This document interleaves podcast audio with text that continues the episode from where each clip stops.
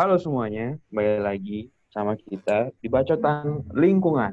Sama saya, Muhammad Haikal, co-founder Bujur.co, dan rekan saya, Kevin Mulia Kesian, co-founder Bujur.co.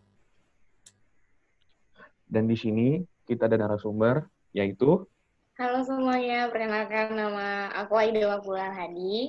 Uh, kebetulan mahasiswa teknik lingkungan di salah satu kampus di Cikarang, dan sekarang lagi magang di konsultan lingkungan di Jakarta. Yeah. Nah, Aida ini uh, adalah mahasiswa teknik lingkungan yang sekarang kebetulan magang di perusahaan konsultan lingkungan. Konsultan. Hmm. Uh, jadi hari ini kita tuh bakalan ngebahas tentang apa nih kamu, Kevin? Ayo coba tentang apa. Jadi, uh, guys, sekarang ini kita bakal bahas beberapa dokumen lingkungan hidup dari Peraturan Menteri Lingkungan Hidup Republik Indonesia. Dan dokumen-dokumen itu adalah AMDAL, UKLUPL, dan SPPL. Betul banget nih kebetulan banget uh, apa narasumber kita ini magangnya di konsultan lingkungan yang biasanya uh, menyangkut tentang dokumen-dokumen tentang dokumen-dokumen kita hmm. dokumen-dokumen yang bakalan kita jelasin buat hari ini. Langsung aja, Kevin gimana? Oke, tanpa berlama-lama lagi, mari kita masuk topik pertama.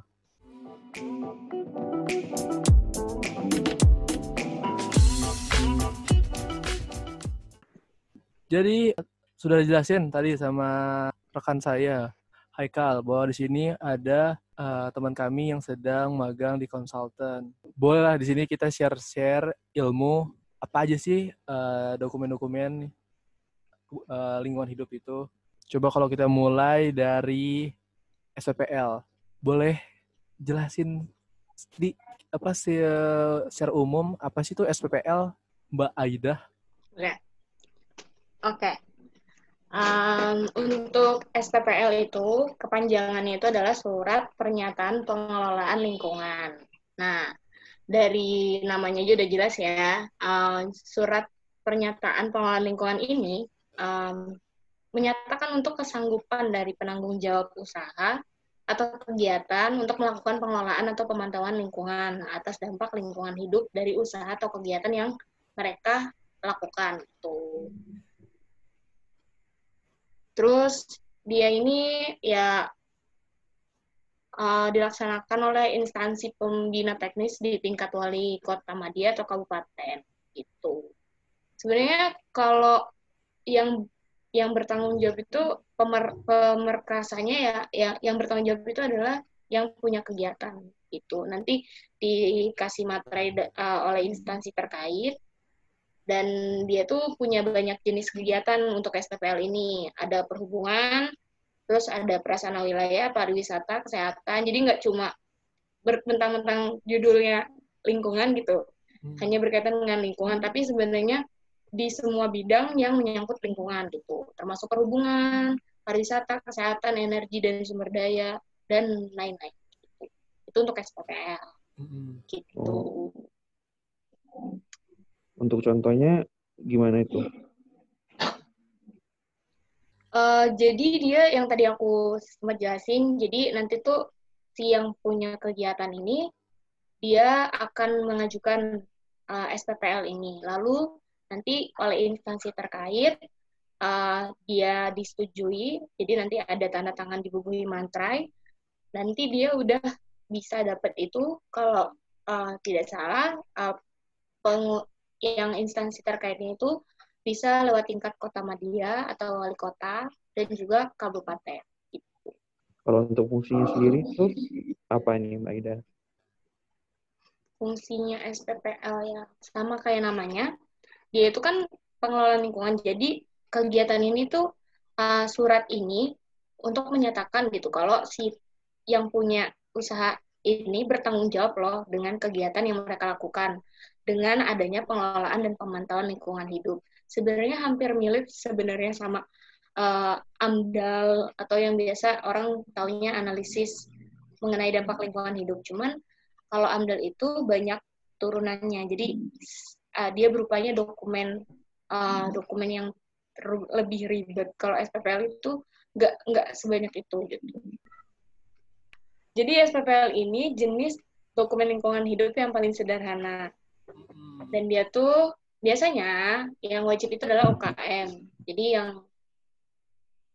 yang bukan yang skala yang kayak yang lebih besar gitu. Sedangkan kalau misalnya kegiatan atau usahanya itu masuk skala yang besar, dia tuh harus wajibnya UKL, UPL atau AMDAL gitu. Oh, tuh. Terus izinnya juga beda ya, masih skala hmm. itu ya. Tingkat kota Madia ya. Tingkat kota Madia. Iya, iya, iya benar. Kira-kira penting nggak sih untuk UKM atau ini UKM punya SPPL ini sendiri?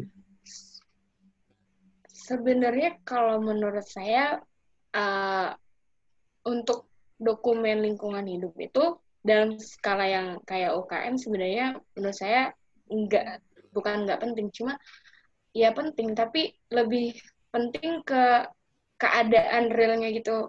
Misalkan kan surat pernyataan pengelolaan lingkungan tapi uh, kayak pengawasannya tuh nggak ada gitu.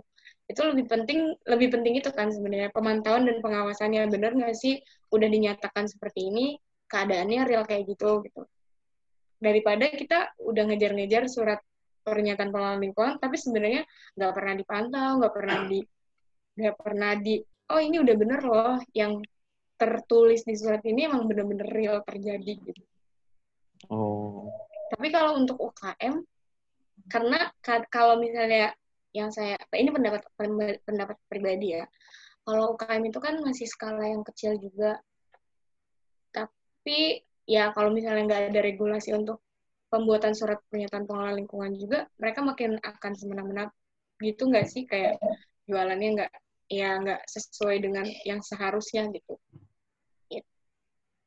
sama-samanya penting ya tapi ya pengawasan dan pemantauannya itu yang lebih penting oke nah tuh kita udah tahu apa itu SPPL kalau kita ulang lagi, SPPL itu kepanjangannya Surat Pernyataan Pengelolaan Lingkungan. Jadi kesanggupan bahwa si yang punya usaha atau kalau dalam hal ini UKM dia sanggup uh, memenuhi dokumen-dokumen uh, eh, SPL ini di uh, dalam dampak lingkungan di akibat aktivitas si pengusaha itu. Dan itu skalanya tingkat kota Madia. Ya begitu ya Mbak Aida? Ya lebih kecil iya. Nah, kota Madia. Next. Tering tering tering ceritanya di lagu nanti. di lagunya. ada, ada ada aja deh. Jadi kita udah belajar apa itu SPPL. Oh mantap. Wah, udah belajar kita ya. Coba tadi ada lagi nih yang kedua hmm. itu namanya UKL UPL. Hmm. Boleh share ke kita apa itu Mbak Aida ya UKL UPL? Jarang dengar nih saya. UKL UPL, upaya pengelolaan lingkungan hidup dan upaya pemantauan lingkungan. Nah, itu aja dah. Coba coba. Nah, coba. untuk hmm. si UKL UPL ini dia itu ruang lingkupnya ada di KA Andal. Hmm. Nah, sedangkan Andal itu adalah analisa dampak lingkungan. Dan dia itu telah ah cermat secara cermat dan mendalam tentang dampak besar dan pentingnya suatu rencana. Harusnya tuh kalau menurut aku ya, bahas itu dari AMDAL dulu, jadi dari yang terbesar sama yang terkecil, balik. Hmm. Oh iya, iya. Harusnya dari AMDAL dulu. AMDAL, UKL, UPL, PPL. Oh. Gitu. Karena coba ini ini ntar ntar, ntar, ntar direkam lagi nanti. Jadi karena gue nggak pernah gue nggak belajar nggak belajar datang kelas saya nggak belajar oh iya selalu ya kan kita segrup kan Mbak Aida yang belajar nih jadi tuh nih Gimana? jadi tuh sebenarnya kan itu kan ada peraturan menteri yang nomor 16 itu kan hmm.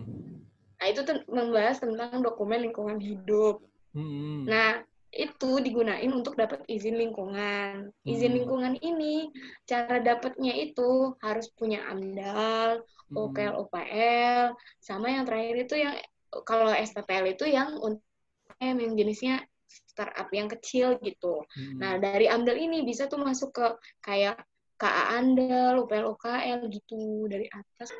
Tapi kalau dari kayak SPPL PPL itu kan dia untuk yang UKM yang yang Kecil, unitnya ah. kecil, yang Hmm. kayak ah, ah, jadi yang bukan kegiatan atau usaha yang besar. Kalau AMDAL itu yang dia punya usaha dan kegiatannya itu yang kayak makro banget gitu loh. Jadi dia itu bakal memberikan dampak yang lebih besar gitu. Makanya harus ada AMDAL karena di dalam AMDAL itu kan benar-benar dikaji, diteliti secara detail gitu loh hmm, bahkan nanti UKL UPL itu ada di dalam AMDAL kan gimana sih oh akan memberikan dampak dampak segini besarnya gitu nanti harus ada nih upaya pemantauan atau pengelolaan supaya dampak ini tuh bisa teratasi gitu. Nanti baru dapet lah izin lingkungan gitu. Berarti di dalam AMDAL tuh gila gue gak belajar apa-apa dalam AMDAL tuh ada UKL, ada UKL UPL ya? Iya Apa itu? betul. Oh. Jadi gimana kita bisa bahas upaya pemantauan sama pengelolaan? Sedangkan kita belum bahas sebenarnya AMDAL itu kan mengenai dampaknya dulu gitu baru nih upaya apa sih yang harus kita lakuin supaya si dampak ini nggak jadi besar? Nanti kalau semuanya itu udah ter udah oh iya nih udah ada dampak nih. Oh ternyata tapi di bawahnya ada upaya, upaya lokal nih di dokumen si AMDAL ini. Oh ternyata bisa kok diatasin bisa kok dikelola dampaknya nggak sebesar yang seharusnya terjadi gitu. Nah itu baru di ACC dapatlah izin lingkungan gitu baru Oh. kegiatan itu boleh boleh berlanjut boleh dilakukan gitu. Oh iya dang. Yaudah yaudah. Kita mulai dari awal sudah penjelasannya diulang enggak enggak, enggak penjelasannya aja. Kalau kalau yang SPPL itu udah bener mul nggak apa-apa Iya, iya. dipisahin. Nanti kita atur nanti. Jadi kita mulai dari AMDAL nih ya bahas apa breakdown ya Yoi. iya. Gila gua gua Ah. bikin tapi gua nggak belajar oke nah iya jadi eh, dalam dokumen-dokumen itu ada banyak kan terus sudah jelasin tadi satunya adalah AMDAL yang biasa be- PL tadi. kan kita ngulang dari atas ini AMDAL dulu Oh. dibahas turun ke bangkal kurang nanti. air putih Oh, Iya, lanjut, iya lanjut. kan puasa Aida, masa cukup air putih. Jangan mancing Aida. lanjut lanjut Ya, ya. Oke, sekarang kita uh, akan bahas dokumen AMDAL. Biasa kalau kita sering dengar, teman-teman dengar, AMDAL, AMDAL loh. Bikin proyek apa, bikin proyek ini, bikin AMDAL loh. Sering biasa kan dengar teman-teman dengar kalau misalnya di TV, wah, proyek di Cikarang tidak ada AMDAL. Nah. Atau proyek di mana tidak ada AMDAL. Apa sih AMDAL tuh sebenarnya? Coba uh, Mbak Aida boleh jelaskan ke kita. Oke. Ya, yang tadi tadi kamu sempat singgung nih. eh, kalau kita udah punya usaha atau kegiatan gitu kan, harus ada AMDAL gitu. AMDAL itu kepanjangannya itu ada, adalah analisa analisis mengenai dampak lingkungan hidup. Jadi di- misalnya eh, kalian punya kegiatan yang sifatnya makro, yang gede banget gitu, yang akan menghasilkan sesuatu yang berdampak bisa positif dan negatif sangat besar untuk masyarakat apalagi lingkungan itu wajib AMDAL dan dia itu eh, proses pengambilan eh, proses untuk mendapat eh, menyusun dokumen AMDAL itu ada yang namanya UKL UPL terus juga ada tentang KA AMDAL jadi dokumennya itu kalau kalian tahu dokumen AMDAL itu kayaknya tebel banget. Dan ya formatnya itu bener-bener kayak eh, kayak lengkap banget. Kayak karena di situ bener-bener dikaji gitu. Bener nggak sih usaha ini akan memberikan pengaruh entah negatif atau positif untuk lingkungan masyarakat di sana gitu. Nah AMDAL sendiri yang tadi aku bilang di dalamnya itu kan ada banyak lagi, ada banyak ya bahasanya subbabnya AMDAL itu ada yang namanya KA ANDAL, ANDAL, terus RKL, RKL, RPL, dan juga UKL, UPL gitu. Nah kalau misalnya si KA ANDAL itu adalah ruang lingkup kajian analisis dampak lingkungan yang merupakan hasil perlingkupan. Kalau misalnya ANDAL itu adalah analisis dampak lingkungan yaitu adalah telaah secara cermat dan mendalam tentang dampak besar yang penting dari suatu rencana usaha atau kegiatan. Terus, sedangkan ada RKL dan RPL, rencana pengelolaan lingkungan hidup dan juga rencana pemantauan lingkungan hidup. Yang seperti namanya, ada yang pengelolaan dan pemantauan. Jadi di dalam AMDAL itu, kita udah tahu nih dampaknya akan sebesar ini. Oh, ini jadinya dampak penting loh karena misalnya contohnya uh, ketika kalian pembangunan gitu kan alat berat datang dan dia akan meningkatkan air polusi di situ polusi udara di sekitar kawasan itu kan. Nah itu perlu dikaji. Oh dampaknya sangat besar sedang atau misalnya sebenarnya dampaknya tuh bisa sangat besar. Nah untuk sangat besar ini dibutuhin dong yang namanya pengelolaan dan pemantauan supaya terkendali gitu supaya ya nggak terlalu mencemari lingkungan. Nah, itulah disebut rencana pengelolaan lingkungan hidup atau pemantauan. Dan biasanya kalau misalnya impact yang dikasih si perusahaan atau kegiatan ini lebih besar daripada dampak positif yang mereka kasih, izin lingkungannya itu bisa aja digagalkan atau nggak disetujuin, sehingga amdalnya itu bisa aja sia-sia. Itu hmm. tentang amdal. Hmm Gitu, Bapak Kevin. Oh, seperti itu. Ya, pokoknya dampak sekecil ataupun yang sangat besar itu pasti akan masuk di dalam AMDAL. Hmm. Kayak air apa polusi yang debu debu yang tadi Bapak Kevin bilang, yang debu misalnya truknya lewat kan menghasilkan debu di jalan itu. Itu dihitung termasuk juga polusi kendaraan alat-alat uh, berat maupun truk-truk yang nanti akan uh, beroperasi selama kegiatan atau perusahaan itu tetap eksis gitu. Itu akan harus dihitung gitu. Berarti semuanya kegiatannya di ini ya? Dianalisa berarti? Ya dari kegiatan itu sebelum kegiatan dimulai kayak misalnya masih pengu apa pembebasan lahan dan segala macam itu pasti masuk juga ke dalam AMDAL terus saat kegiatan itu di, dimulai misalnya udah uh, udah bangun nih semua peralatan untuk misalnya mereka memproduksi sesuatu gitu. Sampai nanti ketika misalnya, contoh saya kasih contoh deh, uh, misalnya kalian mau membangun tentang uh, tempat pembuangan akhir, sampah. Itu kan kalian harus punya lahannya dulu. Lahan itu perlu dikeruk dong.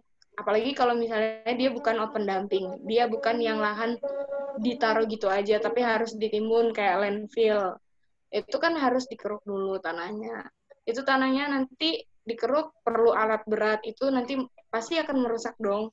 Ya antara entah itu polusi udara ataupun misalkan kita harus pikirin juga gimana dampak untuk air tanah di sekitar sana itu akan masuk juga. Nah, saat setelah itu siap dan sudah mulai akan ditimbun sampahnya, itu juga akan menyebabkan sesuatu yang berubah kan. Contohnya ya pasti truk yang lalu lalang untuk mengangkut sampah ditimbun lagi itu akan menyebabkan terus juga ada uh, kalau sampahnya itu nggak kering itu kan akan ada air lindi nah itu juga harus dipantau itu masuk dalam amdal jadi panjang banget ya proses untuk bikin amdal itu sendiri lumayan kalau bisa dibilang dokumennya itu lebih tebal daripada dua bantal tidur wow ditidurin ya dokumennya? sangat sangat pernah. buat kasur bisa buat kasur. Banget. Itu jadi kak, kak, mungkin pendengar ada yang tahu kamus munjid kayaknya kalau yang dia basicnya pesantren mungkin sedikit tahu. Kalau kamus munjid itu udah tebel banget. Jadi kalau misalnya kalian kayak jari jempol sama jari kelingking kalian kayak kalian lebarin, itu bisa jadi satu amdal. Segitu tebalnya. Lumayan lah untuk nimpuk orang lumayan bisa benjol kali ya. Boro-boro timpuk kayaknya Bisa langsung. diangkat, dilempar kayak udah berat juga. Bu angkat itu males kali ya. Udah kali males ya. Jadi bener-bener Iya benar-benar. AMDAL ini bener-bener teliti gitu ya Mbak Ida ya. Dampak kita saat kita Iya, melakukan betul. dan dampak setelah kita melakukan juga gitu ya diperhitungkan. Iya, Bahkan setelah Iya, kita tinggalkan betul. sudah nggak ada lagi proyeknya dan sudah ditutup. Udah nggak ada lagi. Sama kayak udah ninggalin mantan gitu. iya. Udah nggak usah di tapi masih diperhatiin gitu. Eh, eh kok Bisa, bisa dipotong, ini bisa dipotong. Kan saya editornya. Eh, oh iya, iya. Enggak, enggak. Iya, iya, iya. Kalau dia nggak dipotong deh. Oh, jadi kamu masih nggak stuck mantan? Mana ada Eda, ntar didengar aja beneran lagi. Nah, terus eh ini tadi kan AMDAL nih. Ada nggak sih turun-turunan dari AMDAL itu sendiri? Hmm.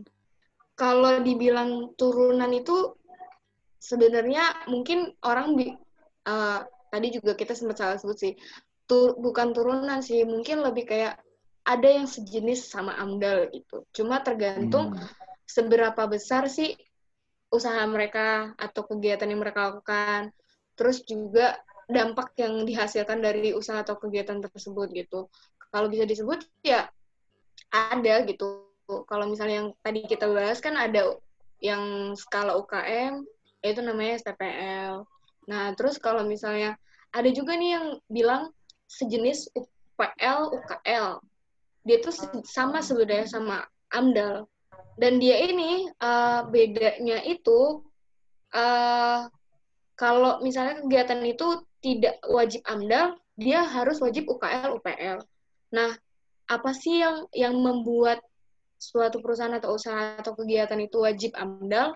Biasanya dia itu membutuhkan eh, kayak start apa ya?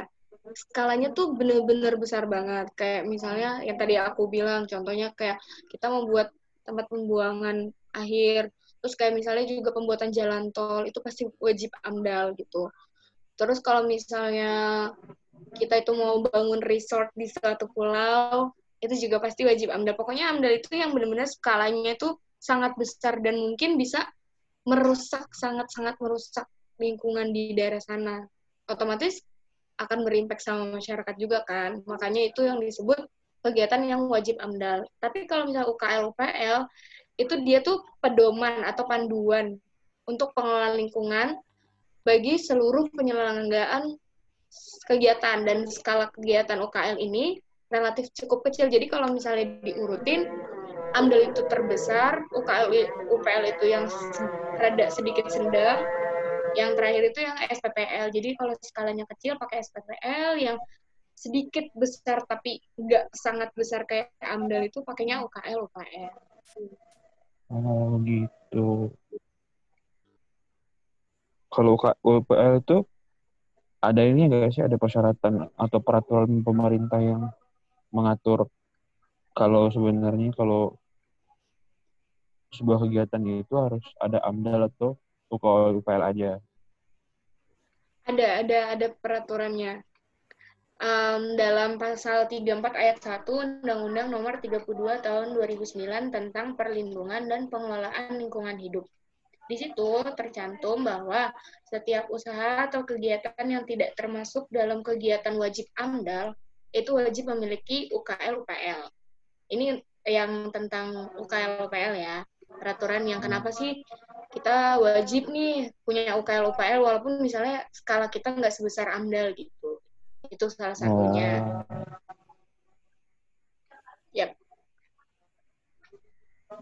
Terus ad, ya pok, eh, ada pokoknya di Perundang-undangan nomor 32 tahun 2009 itu membahas tentang kenapa sih harus ada UKL UPL. Jadi kalau misalnya mungkin teman-teman masih kepo nih ah, kenapa sih harus ada UPL UKL bisa dibaca. Dan dari ayat 1 pasal 34 sampai pasal 36. Itu berhubungan sama UKL UPL. UKL UPL panjang banget. Kalau menurut Aida sendiri ini Yups. penting nggak sih kita untuk sebuah sebuah kegiatan atau sebuah usaha itu eh, untuk bikin analisa dampak lingkungan, AMDAL, UKL UPL ataupun FPPL. Ya, uh, menurut saya pribadi, ketika uh, dia sudah punya surat atau uh, istilahnya apa ya, kayak udah dapat lampu hijau itu kan pasti harus ada izinnya kan. Dengan adanya SPPL, KLPL, dan juga AMDAL itu kan sebagai salah satu, ya sama aja lah kalau kayak kita mau naik motor gitu kan, kita butuh SIM. SIM itu ya sama aja kayak UPL, UKL, uh, AMDAL, dan juga SPPL. Nah, SIM ini sebenarnya nggak ada nggak ada impact ke kita saat berkendara sebenarnya kan. Cuma dengan adanya SIM ini kita tuh bisa tahu kapan kita harus ngerem, kapan kita harus berhenti, kapan kita harus hati-hati, kayak misalnya dalam pemeran dan segala macam. Nah itu yang bisa saya simpulkan itu sama gitu loh. Ketika misalnya atau kegiatan mau skala kecil maupun skala besar itu perlu nggak sih kayak analisis dampak lingkungan yang akan dihasilkan. Saya rasa itu perlu. Cuman yang harus di lebih difokuskan itu bukan tentang selembar kertas izin lingkungan ini, tapi gimana sih apakah semua yang tercantum di dalam dokumen-dokumen itu entah SPPL, UKL-UPL ataupun AMDAL itu benar-benar terjadi loh di lingkungan. Karena kan contohnya aja AMDAL, AMDAL itu kan udah di uh, kita udah kaji dari hal terkecil sampai terbesar udah ada RPL, RKL-nya juga. Gimana sih cara mengelola, memantaunya supaya dampaknya itu nggak terjadi lebih buruk gitu ke lingkungan. Nah, yang saya rasa itu itu yang harusnya ditekankan itu lebih penting. Jadi bukan tentang izinnya, tapi tentang apakah dengan dokumen untuk izin ini benar-benar oh lingkungan tetap bagus loh, oh lingkungan tetap terjaga loh. Nah, itu mungkin ya yang menurut saya lebih perlu dan lebih penting. Gitu. Bapak jadi Haikal. lebih penting jadi lebih penting kayak apa? Sebenarnya oh, kayak uh, bikin su bikin sini sini itu tuh penting, tapi yang lebih penting itu gimana tanggung jawab dari perusahaan atau kegiatan itu yeah. terhadap dokumen-dokumen tadi berarti. Iya, betul sekali. Sama aja kayak kita, kita punya SIM, tapi kita harus bertanggung jawab dong. Sebenarnya kita bisa nggak sih bawa motor gitu? Kita bisa nggak sih menjaga supaya pengendara motor lain tuh nggak nggak kena ya kena kecelakaan karena keteledoran kita ya sama seperti itulah kurang lebih. Jadi yang yang jadi poin penting apa dalam pembuatan dokumen-dokumen itu tuh berarti dari pemantauan dan pengelolaan lingkungannya sendiri. Iya, ya, menurut saya itu.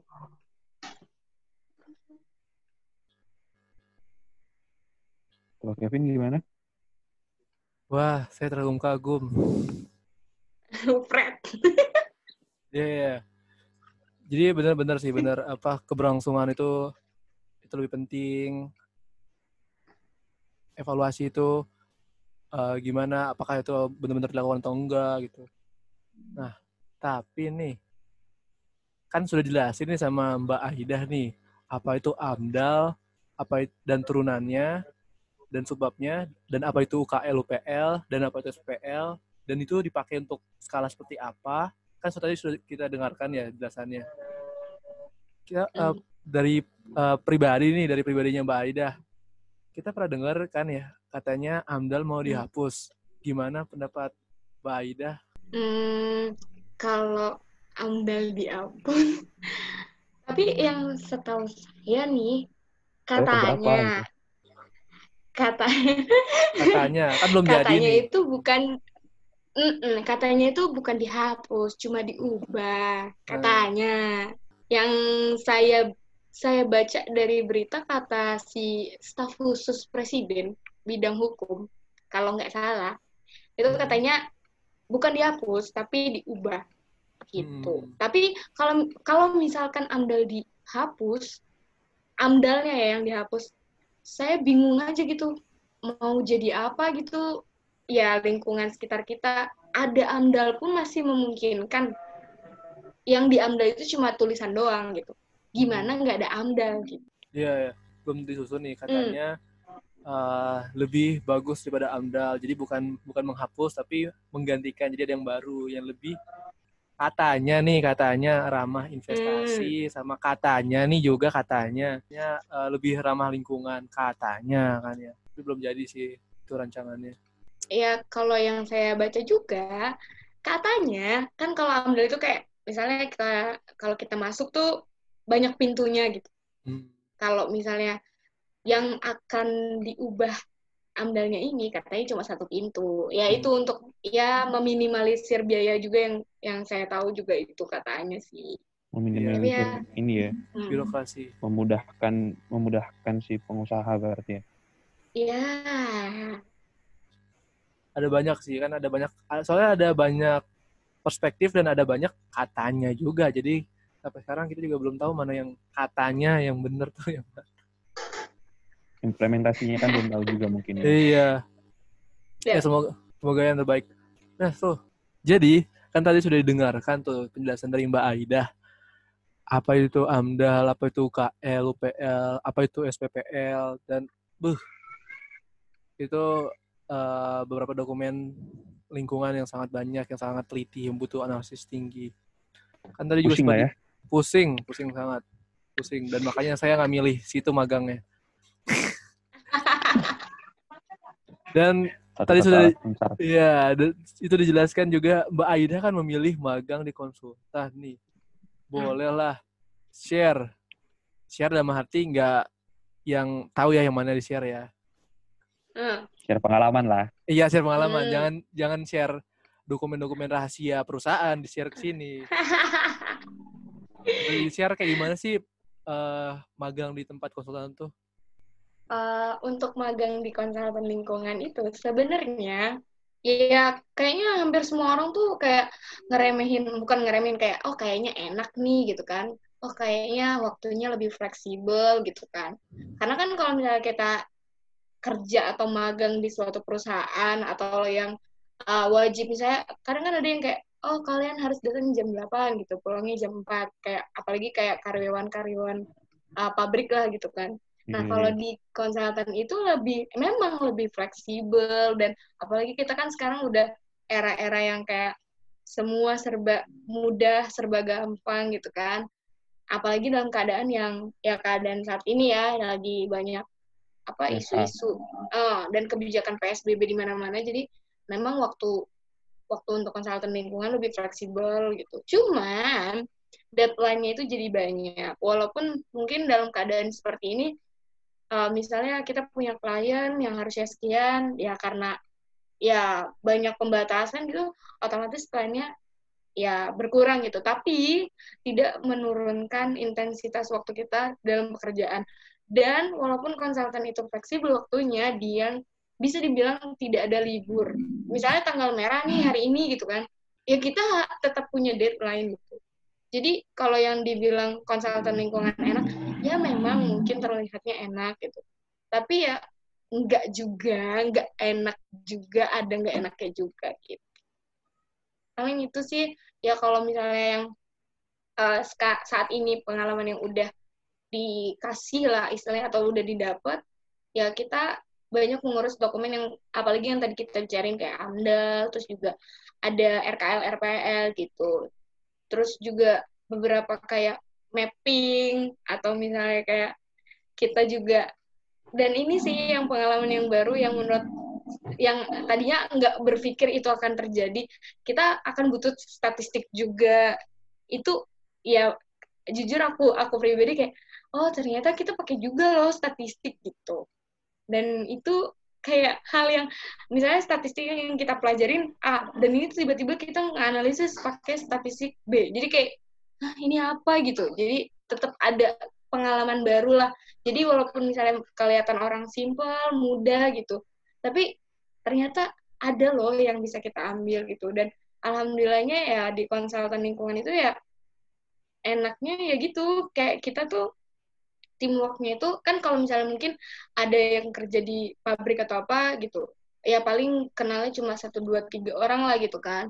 Tapi kalau misalnya konsultan lingkungan itu teamworknya tuh kerasa banget gitu. Jadi kayak dan alhamdulillahnya supervisornya aku tuh baik-baik semua. Jadi kalau misalnya aku nggak ngerti tentang jangankan tentang cara ngerjain di dokumen itu misalnya ada istilah atau kata-kata yang aku tuh kepo banget. Terus aku cari di Google nggak nemu. Itu mereka tuh bersedia gitu menjelaskan dari A sampai B gitu kenapa bisa jadi kayak gini. Jadi kayak ya alhamdulillah sih. Gitu. pengalamannya paling itu sih. Tapi selalu salut sama yang punya bujur nih kayaknya. Ya, bisa aja. Coba boleh disebutin nama supervisornya mungkin barangkali mendengar. Eh, ada Kak Vio Hmm. ada juga Kak Iqbal. Nah, yang yang yang paling keren sih bener-bener aku nanya satu satu hal doang padahal itu di dijelasinnya itu dari kayak sejarah awalnya kenapa dia kayak gitu gitu sampai ending sampai keadaan saat ini itu keren sih kayak wah terus ada kata-kata juga yang bikin aku kayak oh gila orang kayak gini nih harus emang harus jadi leader gitu harus jadi supervisor gitu. Dia bilang jangan mentang-mentang kalian cuma misalkan mengerjakan sesuatu yang simpel terus kalian misalnya nggak tahu kalian nggak berani nanya. Itu jangan. Bahkan cuma tentang ang- dua angka sekalipun kenapa bisa jadi begini aku bisa jelasin ke kalian gitu. Jadi jangan sungkan untuk bertanya. Itu yang bikin kayak oh iya nih gue kerja sama kakak Pio nih kayak wah keren banget sih banyak sih yang kayak gitu cuma karena beliau supervisor uh, aku saya aku saat ini jadi kayak gila sih nih orang keren gitu Bersyukur jadi bisa apa? Bisa punya ketemu supervisor di magang yang Iya. gitu.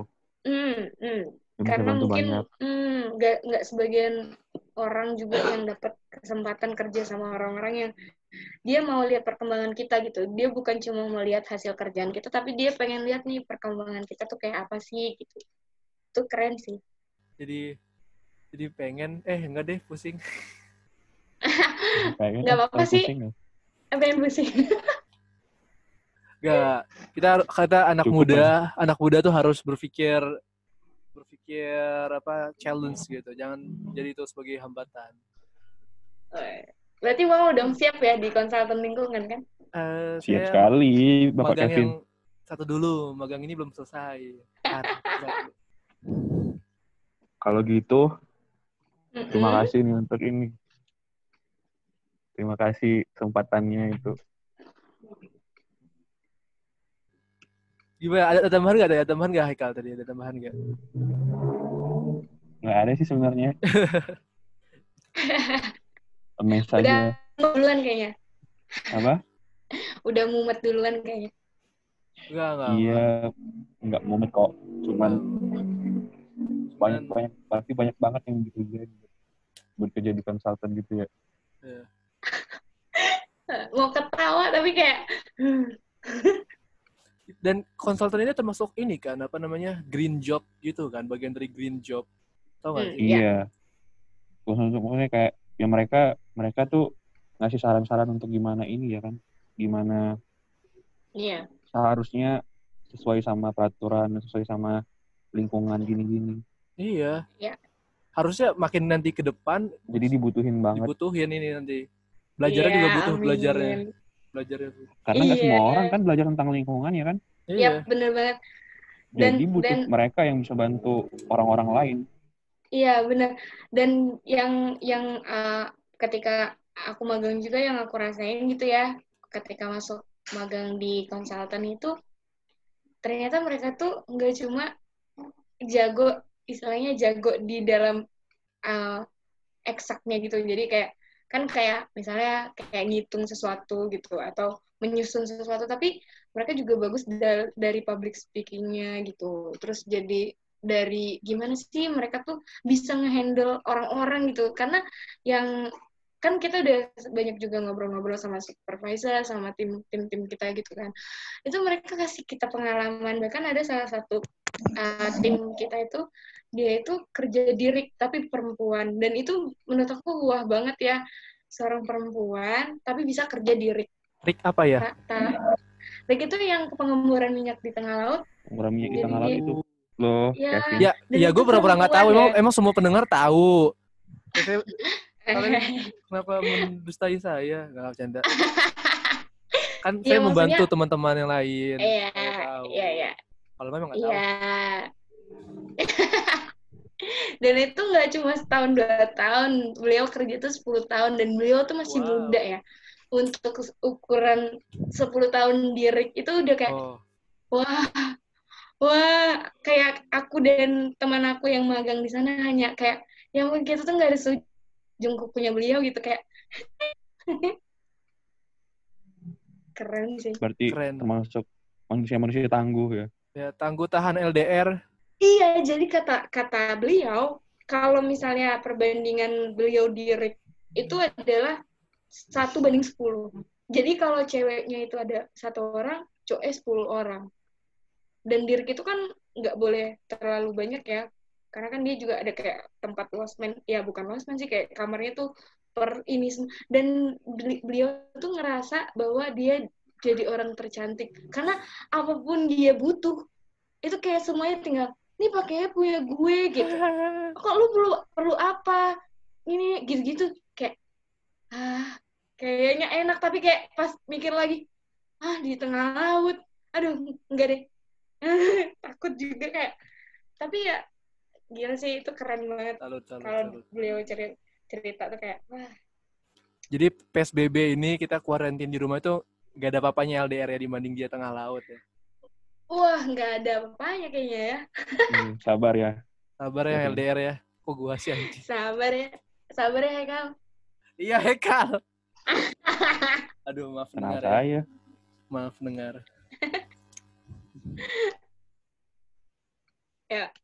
udah sekian dari aku paling kesan pesan udah Ini mungkin kalau nggak ada sih nggak ada apa-apa.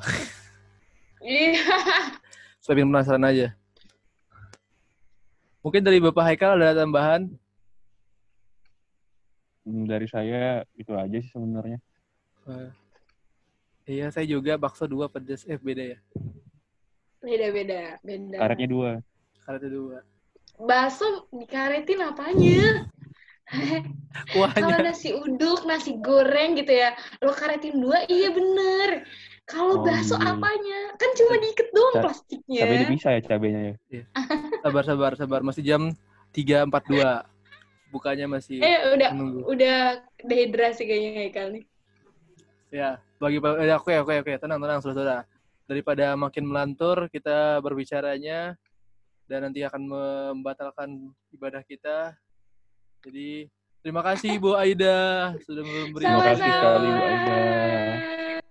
sama-sama sukses magangnya, sukses nanti habis itu skripsinya, amin sukses nanti amin jodohnya.